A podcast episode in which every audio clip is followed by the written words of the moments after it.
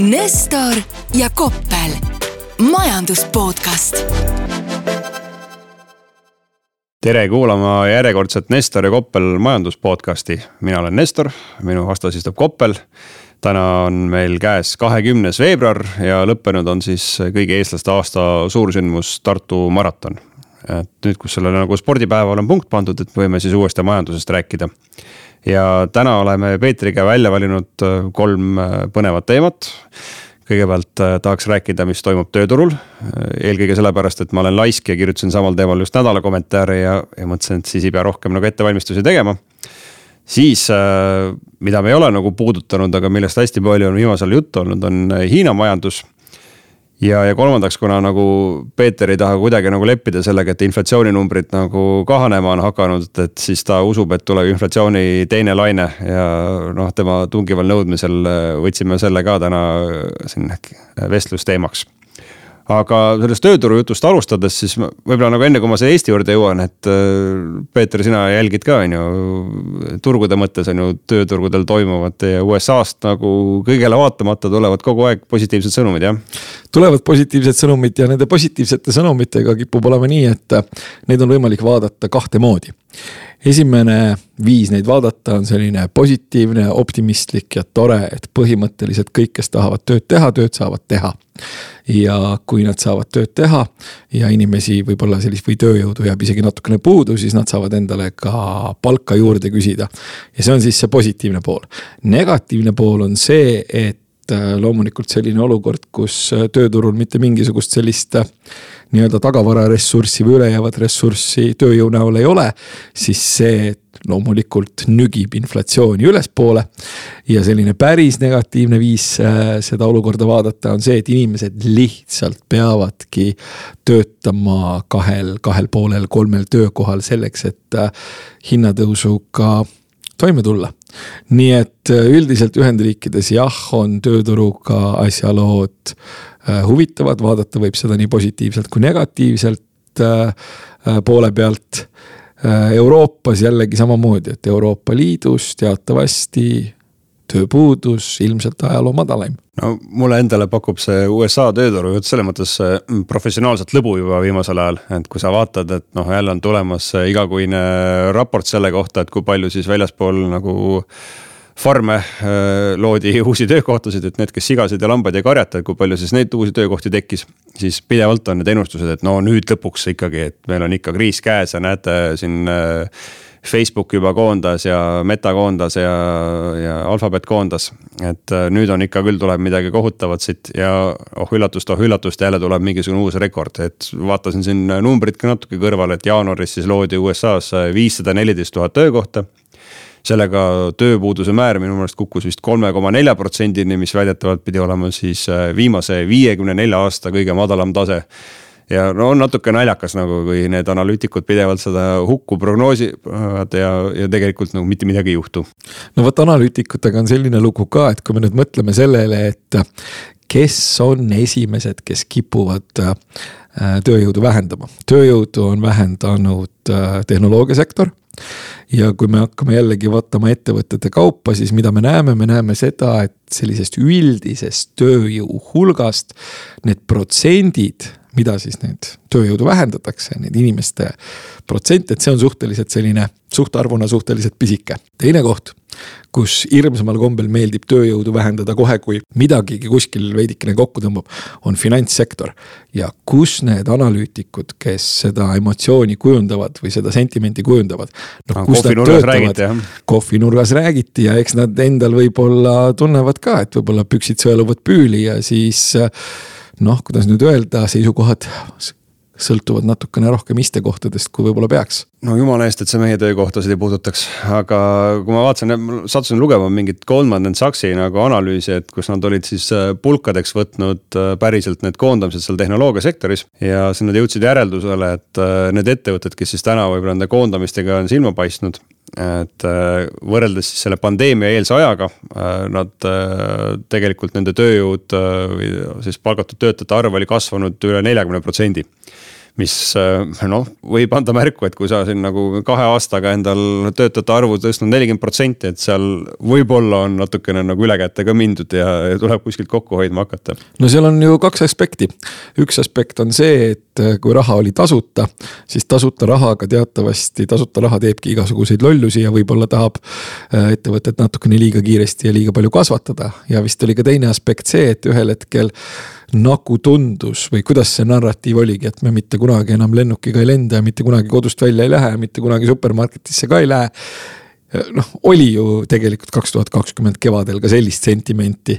ja see kõiki neid nii-öelda ettevõtteid, mis justkui võidaks sellest, et inimesed hästi palju kodus istuvad, noh, see ju tekitas nendel ettevõtetel igasuguseid huvitavaid illusioone. ja nad võtsid inimesi juurde ja kes siis tegid kodus tööd ja noh, nüüd on siis selgunud, et võib-olla olukorras, kus äh, kõik ikkagi tahavad lennata palju ja tahavad äh, ringi käia ja poes käia. ja võib-olla tõesti ei ole neid inimesi enam nagu nii palju vaja nojah, see on jah teine lõbus külg, et mulle ka meeldis, et äh, need mingisugused kuulutused seal pandeemia käigus, kuidas nagu mitte miski pole enam kunagi selline, nagu see oli ja, ja kõik kinnisvaraturud nüüd, ärikinnisvara jääb kõik tühjaks seal kesklinnades ja ja keegi enam väljaspoole Zoom'i enam mitte midagi ei teegi, et noh, no okei okay,, et eks ta mingisuguse muutuse on ju on toonud, aga, aga suures plaanis ikka inimestele endiselt meeldib üksteisega kokku saada. No kujuta nüüd ette näiteks, et meie ka võtaksime kätte, istuksime kodus ja teeksime seda mm, podcast'i nüüd sõna otseses mõttes mm,. kuidas ma nüüd ütlen Teamsi akna taha, no oleks siis tore kangesti või no minu meelest ei oleks. no sulle meeldib, sa ei pea Kalamajaga auto, Kalamaast autoga välja sõitma. aga üks teine aspekt, mis äh, siis äh, selles samas Goldman Sachsi analüüsis ka nagu välja toodi, on äh, mõneti selline turunduslik või ütleme, see põhjus, et miks siis inimesi on ka lahti lastud, on, on nagu kergelt ka turunduslik, et kui vaadata, mis on toimunud siis tehnoloogiasektori ettevõtete väärtusega aktsiahindade näol, et siis noh, tead omanikud justkui ootavad, et midagi peaks ette võtma, et sellised kärp kärped, äh, mis ei ole ilmselt olnud väga suured ja mis ei ole puudutanud päriselt neid inimesi, kes ka midagi nagu arvuti taga oskavad teha. et, et lihtsalt, et näidata, et äh, näed, ka meil on rasked ajad, ka meie võtame oma nagu kulusid tõsiselt ja proovime püksirihma pingutada no just nimelt, ma mainin remargina ära, et Kalamajast autoga välja saada ei olegi eriti suur probleem. aga kui sa tahad õhtul sisse saada, vot siis põhimõtteliselt ütleme nii, et kohe, kui õues natukene kuivem on ja veidikene päikest paistab, siis mina igal juhul kavatsen hakata sõitma palju rohkem jalgrattaga pane aga... autoga edasi, pane autoga edasi, sul produktiivsus kasvab, pead tööl kogu aeg olema. aga, aga räägiks natuke Eesti tööturust ka, et meil siin eelmisel nädalal tulid siis äh, viimased äh, numbrid välja küll siis eelmise aasta viimase kvartali kohta ja noh, Eestis on ka kõvasti siin trummi põristatud, et oi-oi-oi, et nüüd me hakkame siin nägema suuri töötuse numbreid ja kõik koondavad. ja no vähemalt äh, nende andmete pinnalt ei paista see ikka mitte kuidagi silma. et siin tööhõive määr eelmise aasta viimases kvartalis peaaegu seitsekümmend protsenti. Äh, töötus äh, kõigest viis koma neli protsenti ja, ja muuseas siis mõõdeti ka ajalooline rekord selles vallas, et kui palju on inimesi üldse Eestis kunagi tööga hõivatud olnud, et kui me siin mingi agraaraja välja jätame, kõik orjad, kes eestlased siia kuskilt toonud olid, eks. et siis kuussada kaheksakümmend tuhat kuussada inimest väidetavalt olid keskmiselt neljandas kvartalis tööga hõivatud. Ja no tegelikult väga vahva tulemus on ju, et mulle meeldib, kui inimesed tööd teevad ei no mulle ka väga meeldib, aga ma millegipärast ikka kuulen aeg-ajalt seda, et täiesti Äh, liitlauseid moodustada oskavad äh, äh, ilusti valget särki kandvad viiekümneaastased meesterahvad, kes põhimõtteliselt ütlevad ka palun ja tänan ja lasevad hommikul lõhna peale. et neil on ikkagi kohati raske tööd leida no viiskümmend on ikka, see on uus teismeiga selles mõttes, et kui vaadata, et kust on tulnud see hõive kasv, siis on ennekõike see tulnud just pigem sellise isegi ütleks kuuskümmend pluss juba vanusegrupi arvelt et kui me vaatame siin näiteks sellise vanusegrupi nagu kuuskümmend kuni kuuskümmend neli tööhõive määra, siis see läheneb juba seitsmekümnele protsendile, mis on nagu suhteliselt uskumatu tulemus. ja noh, isegi sellised äh, inimesed, kes vanasti olid juba surnud, aga peavad täna tööd tegema, et äh, vanuserühm seitsekümmend kuni seitsekümmend neli on ju noh, ma siin muidugi liialdan, et tegemist ongi veel kui me räägime kontoritööd tegevatest inimestest, äh, vägagi võimekate inimestega, et isegi neist on viiendik täna tööga hõivatud ja, ja noh, kui just äh, rääkides nüüd ütleme välismaa kolleegidega või välismaa analüütikutega, noh siis nende jaoks selline seltskond, et see on juba kuhugi ammu maha kantud, et nemad naudivad kuskil pensionipõlve Hispaanias puhkusel olles.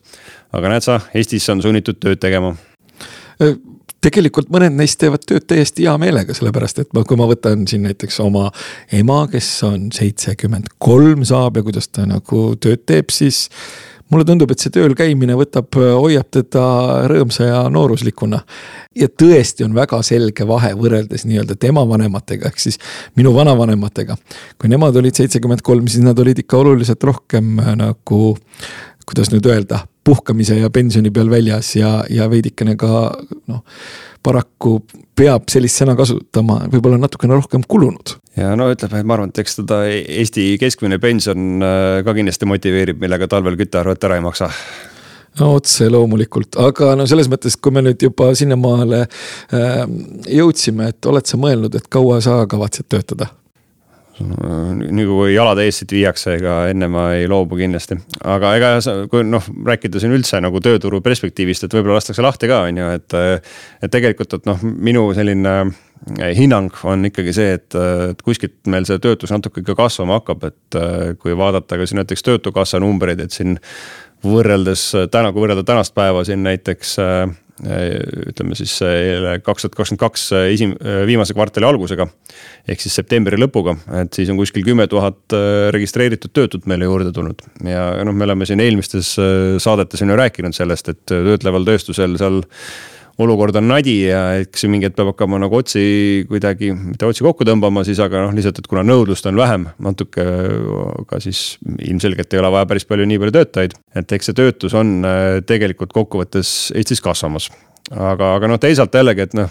kõik need paanika õhutajad, et neil ma saadaks kuhugi puu taha, sest et äh, kui vaadata jällegi neid konjunktuuriuuringuid selle pinnalt, et mis siis nagu suuremad sektorid prognoosivad siis äh, jah, meil enamuses suurtes sektorites täna on rohkem neid ettevõtteid, kes äh, tahaks pigem töötajate arvu vähendada, kui seda suurendada. kuid seal on mingi selline trendi muutumine toimunud, et kui alguses oli siin veel paar kuud tagasi oldi üsna pessimistlikud, siis täna nende pessimistlikult äh, meelestatud ettevõtete arv on jälle hakanud tublisti vähenema ja noh, näiteks üks suur sektor, teenindussektor, et äh, seal ollakse täiesti neutraalsed, et seal on võrdne arv siis neid ettevõtteid, kes soovivad värvata, võrreldes nendega, kes soovivad töötajate arvu vähendada ja see on ka jällegi vist mingisugune globaalne trend, et äh, see koroonapandeemia järgne nagu maailm, et äh, kõigile ikka õudselt meeldib neid teenuseid tarbida ja seetõttu läheb ka nagu palju inimesi tarvis. oota, aga sa midagi rääkisid siin sellest, et äh, võidakse ühel hetkel lahti ka lasta, et oota, millal sa siis prognoosid, et chat GPT suudab makroanalüüsi ära kirjutada? ma loodan, et eesti keele õppimine võtab tal natuke aega veel, aga. ta on eesti keeles kusjuures päris hea, aga lihtsalt äh, kõrvalepõikena äh, ma oma selle emaga, keda ma juba korra mainisin, kes on äh, reaalainete õpetaja, küsisime chat GPT-lt keerulisi küsimusi füüsika kohta. ja vastus oli väga huvitav, vastus oli selles mõttes huvitav, et vastus koosnes kolmest osast. esimene osa oli ideaalne täiesti korrektne vastus teine osa oli juba selline noh, mis natukene oli ebalev ja kolmas osa oli puhas pasteet. ehk siis tegelikult ka tehisintellektil on vaja veel õppida see on väga vahva, see, mis mina kuulsin, oli nagu, nagu, nagu lõbus võrdlus sellega, et äh, kõik need äh, intelligentsed uued süsteemid meil, et see on tegemist on niisuguse nagu mansplaining uga, et nad väga enesekindlalt räägivad igasugust juttu, aga ega nagu seal poolel jutul ei pruugi mingit tõepõhja all olla tõepoolest. ja ma ka hiljuti kuulasin ühte podcast'i, kus siis üks tehisintellektiga tegelev härrasmees seletas, kuidas tehisintellekti mm, õpetamine välja näeb. Ja seal on ikkagi sellist inimlikku komponenti päris palju sellepärast et äh, tehisintellekti kogu aeg talt küsitakse igasuguseid asju. ja siis äh, inimene peab siis panema pöidla üles või pöidla alla, inimene, kes on spetsiaalselt tööl selleks, et panna pöialt üles või pöialt alla. ja siis noh, loomulikult äh, ühel hetkel kogu selle inimese isiklik maailmatunnetus, mis võib olla piiratud, mis võib olla kallutatud, mis võib olla ime, imelik. et noh, see leiab ka ühel hetkel tee sinna, nii et uh, huvitavad ajad ja loodetavasti ikkagi makroanalüüsi veel niipea eesti keeles uh, ai valmis ei kirjuta ma väga loodan seda, muidugi igaks juhuks pärast lähen vaatan töökuulutusi. ei, aga selles mõttes, et ma lihtsalt korra veel, et ega, ega siis nagu minu, minul ka nagu nii turvaline ei ole, sellepärast et. Ühendriikides on üks äh, ai-l põhinev börsil kaubeldav fond, mis on äh, tegelikult turgu päris kenasti löönud. aga sellega on selline lugu, et sulgudes tuleb öelda, et äh, jah, ta on turgu löönud, ta on turgu löönud sellel aastal, aga ta on suhteliselt juba veidikene nii-öelda vanem ja tema varasem nii-öelda toimimine või töötlus, tootlus ei ole olnud selline, mille, mille peale nüüd väga plaksutada. Enne kui me oma teemadega siin nagu täiesti rappa läheme, et siis äh, ma tüüriks tagasi sinna, mis ma alguses välja lubasin ja räägiks natuke sellest äh, Hiina majanduse taasavanemisest ja mul tuli praegu kuskil selline ajusopist mingi kerge mälestuse kild et me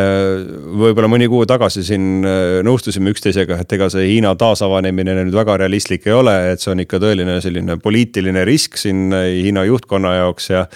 ja ikka küll seda koroonat üritatakse kontrollida, aga no tundub, et äh, väga ei üritatud ja see viiruse laine on nagu niivõrd kiiresti sealt üle pühkinud, et äh, no tundubki, et asi on nagu korras ja Hiina majandus hakkab taas õilmitsema. isegi näed, laenu antakse neile siin dollarites juba kinnisvaraarendajatele. no vot, sellega ongi see lugu, et me rääkisime poliitilisest riskist äh, teiselt poolt, aga poliitiline risk oli hoopis see, et ühel hetkel inimestele nagu väga ei meeldinud see, et seda majandust nagu natukene liiga palju pitsitati ja neil liiga palju kästi hästi ähm, kodus olla. ja mis on muidugi veel huvitav, on see, et tõepoolest jah, tehti majandust lahti, mingisugused asjad seal nii-öelda taastusid. aga mis on huvitav, on see, et kui me mõtleme nüüd ütleme sellistele noh sektoritele näiteks, kus siis asutakse spekuleerima sellele, et majandust tehakse lahti ja majandust võib-olla stimuleeritakse, siis sellistes nii-öelda sektorites, nüüd ma jätan kuulajatele koduse ülesande, et sellistes sektorites, kus reflatsioon on oluline, juba tasapisi paistab, et pidu läbi, et on pidu läbi see tähendab seda, et hinnad on juba teatud varadel üles läinud ja võib-olla tulevad nüüd juba natukene, natuke alla tagasi, ehk siis selline esialgne eufooria on läbi. ja koduseks ülesandeks jääbki see, et endale selgeks teha, mis asi on reflatsioon ja mis asjad on reflatsioonist võitvad varad. uskuge mind, kui te selle endale selgeks teete, siis te olete päriselt ka targem põhimõtteliselt, kui sa ütled selle sõna reflatsioon, mul läheb kohe mõte ära. aga kui rääkida nagu sellest, et äh, me oleme siin kurtnud selle üle, et on nagu nullkasuga aasta maailma majanduses, et selle poolelt pealt on tegemist ikka tõelise õnnistusega, et seal Hiinas elu jälle edeneb, et on siin hinnatud, et seekord, et see, ütleme, see taastumine Hiina sisemajanduses, see nõudluse kasv, et see võiks tegelikult tõsta sellel aastal globaalse skp kasvu kuskil ühe protsendi võrra, mis on või noh, anda nagu pluss üks protsenti sellele juurde. mis on ikka päris vinge, vinge tulemus ja, ja noh, ütleme, kui siin nagu kolm võib-olla siis suuremat nagu mõju kuidagi välja tuua, et noh, on ühelt poolt on see nagu sisenõudluse kasv, mis siis võiks jälle ütleme sära silma tuua äkki sakslastele, kes on unistanud tükk aega, et Hiinas keegi jumala eest jälle nende autosid või. või muud tehnoloogiat tahaks tahtma hakata, äh, siis tegelikult ka reisiteenused, nimelt et noh, hiinlased on siin iga aastaga aina nagu rikkamaks saanud. Ja noh, kuigi mina olen Hiinas, Hiinas käinud, siis tegelikult tuleb välja, et hiinlased ikkagi ise reisivad äh, väljapoole rohkem, kui, kui seal käiakse et eriti siis just nagu need lähinaabrid seal nende regioonis väga ootavad, et siin Hiina turistid äh, näiteks Taisse tagasi läheksid. Ja samuti siis kõik sellised riigid ja ettevõtted, kes kuidagi toorainetega tegelevad, et äh, Hiina majanduse kasv, et ega nad seal üldiselt midagi väga tarka ei oska nagu muud pihta hakata, kui hakata jälle nagu kinnisvara alla seda raha laduma ja, ja see noh, nii õnne, õnne kui siis needusena viib jälle need äh, tooraine hinnad ülespoole. jah, ja siit tasapisi niimoodi, äh, kuidas öelda, läheneb see oht sellest inflatsiooni teisest lainest, mida me alguses mainisime, aga ma ei ole kindel, kas sa selle juurde praegu tahad veel minna? kannatame, kannatame, hoia, hoia käed laua peal ja kannata. et äh, kinnisvaraturgu tahaks ka nagu puudutada, et me kunagi käisime sinuga koos äh, nagu tegemas mingisugust debatilaadset toodet. kus siis äh, me pidime rääkima sellest, et kas siis Hiina kinnisvaramull lõhkeb või mitte ja selle tarbeks mina otsisin siis välja seal umbes circa viimase kümme pluss aasta Financial Timesi juhtkirjad, kus öeldi, et kohe Hiina kinnisvaramull lõhkeb ja no mäletatavasti siin paar kuud tagasi räägiti täpselt samast asjast, et nüüd küll see Hiina kinnisvaramull lõhkeb ja ega seal vahepeal nagu olukord läkski hapuks. aga no tuleb välja, et jälle on suur vend tulnud appi päästma, et äh, taas on siis äh, riik muutunud äh, leebemaks kinnisvarasektori arengute suhtes siin mõned suured arendajad, kes siin vahepeal pidid stoppama oma projektid, kus tegelikult inimesed juba olid ära raha maksnud ja mis tegi hiinlased väga vihaseks, et neile on hakatud uuesti laenusid andma ja just lugesin ka, et esmakordselt siis õnnestus Hiina kinnisvaraettevõttel, nimi ei tule küll meelde, aga noh, ütleme suur Hiina kinnisvaraarendajad õnnestus ka siis nagu dollaris neil rahvusvahelistelt turgudelt laenu võtta, et tundub, et jälle usk on taastunud. kõik läheb edasi täpselt vanaviisi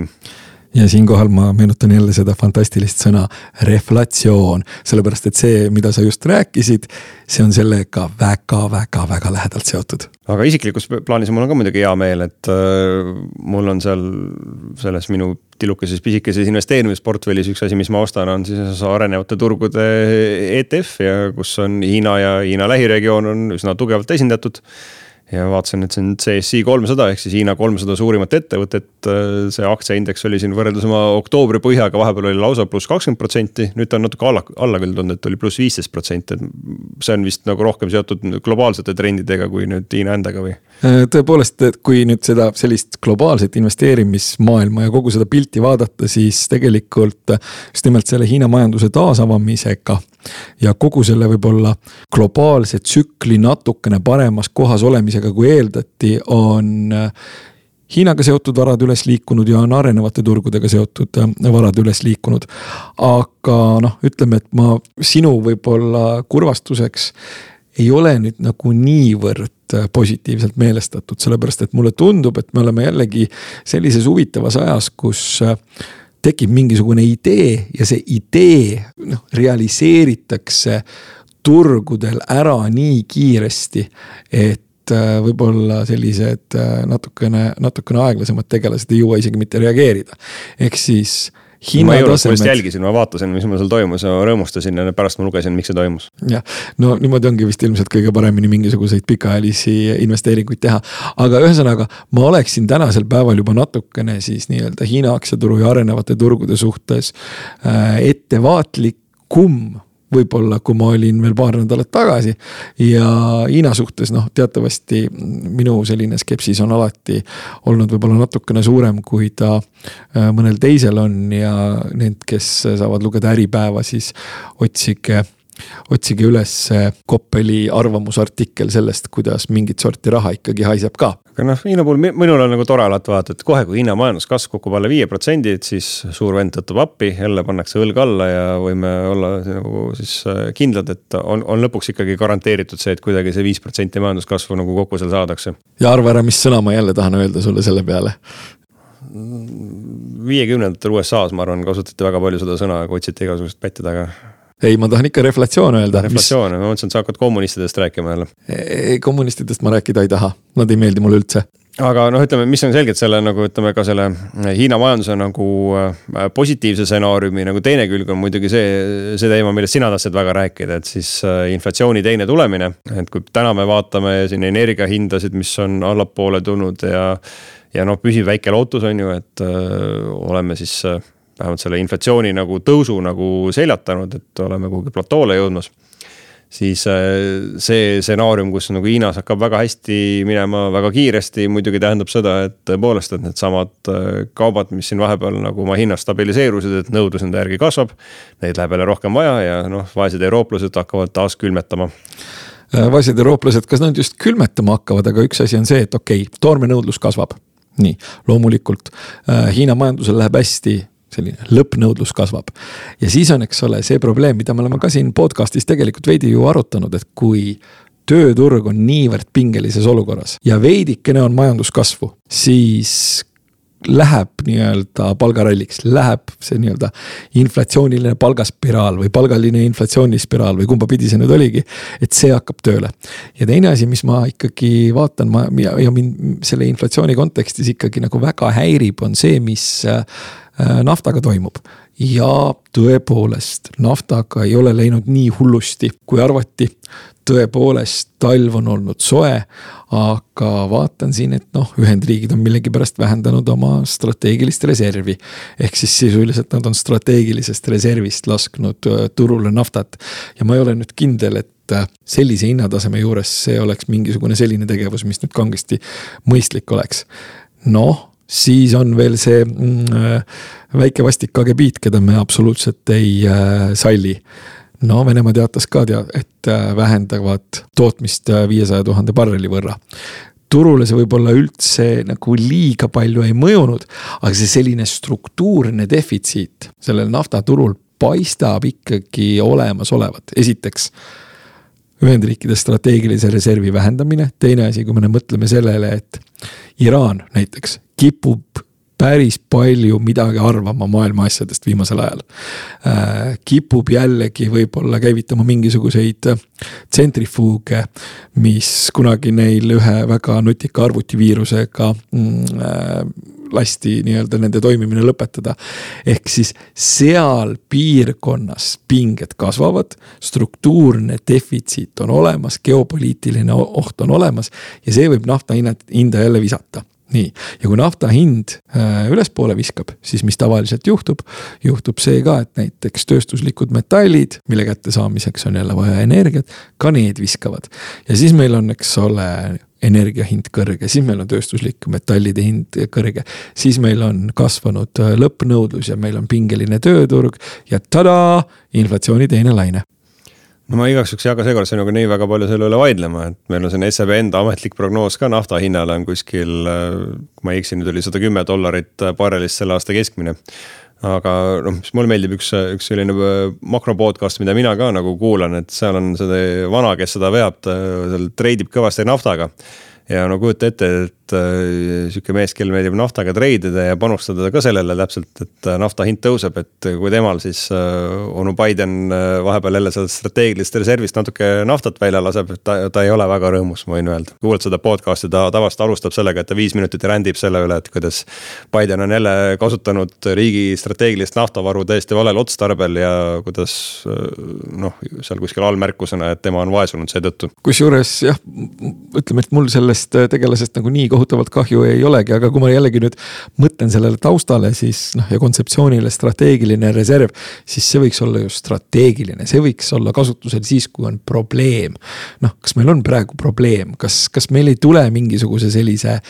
kaheksakümne stiilis ja üle selle kaheksakümne, üheksakümne stiilis naftabarreli hinnaga nagu majandused toime või ei tule Ühendriikide majandus sellise hinnaga toime? no tuleb küll ja siin tuleb meenutada onu Donaldit, kes ilmselt enamusele ei meeldi, et onu Donald ikkagi äh, ostis strateegilisse reservi siis, kui oli odav.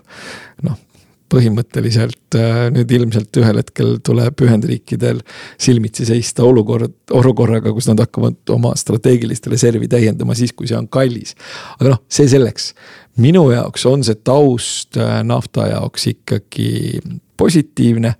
ja see on panustaja inflatsiooni nii energiahindade kontekstis kui siis näiteks tööstuslike metallide hind, hindade kontekstis. ehk siis see teine laine, noh, midagi ei ole parata. on midagi sellist, mis äh, mulle tundub tegelikult täna üha realistlikum Peeter loodab vaikimisi, et äh, äkki tuleb Trump tagasi, saab uuesti odavalt hakata naftat turult kokku ostma. aga ma luban sul vastata mõne hetke pärast. et äh, tegelikult, kui me vaatame, noh, ma arvan, et meil on ka nagu vara siin võib-olla hinnata seda olukorda läbi selle, et noh, need intressimäärad tõusud on siin ju alles käimas, eks. ja noh, paratamatult sul läheb nagu aega, et see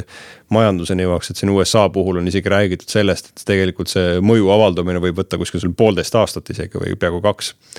et äh, selles osas ma ikka nagu usuks, et äh, lõpuks see nagu mingi korrektuuri teeb, et noh, mina siin ka pidin näiteks endale just auto liisima ja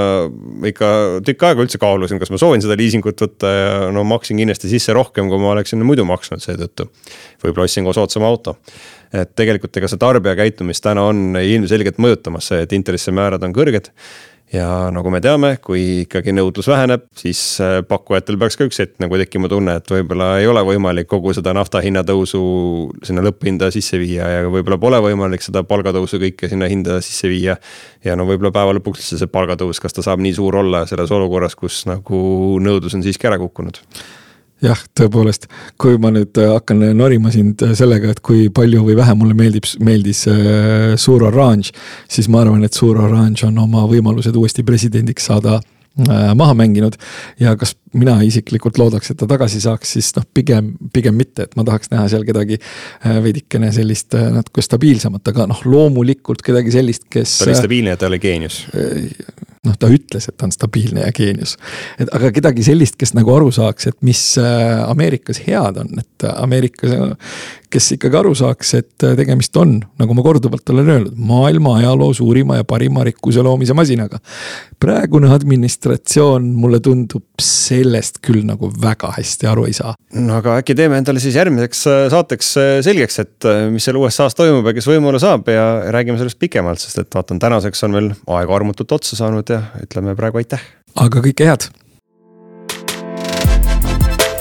Nestor ja Koppel, majandus podcast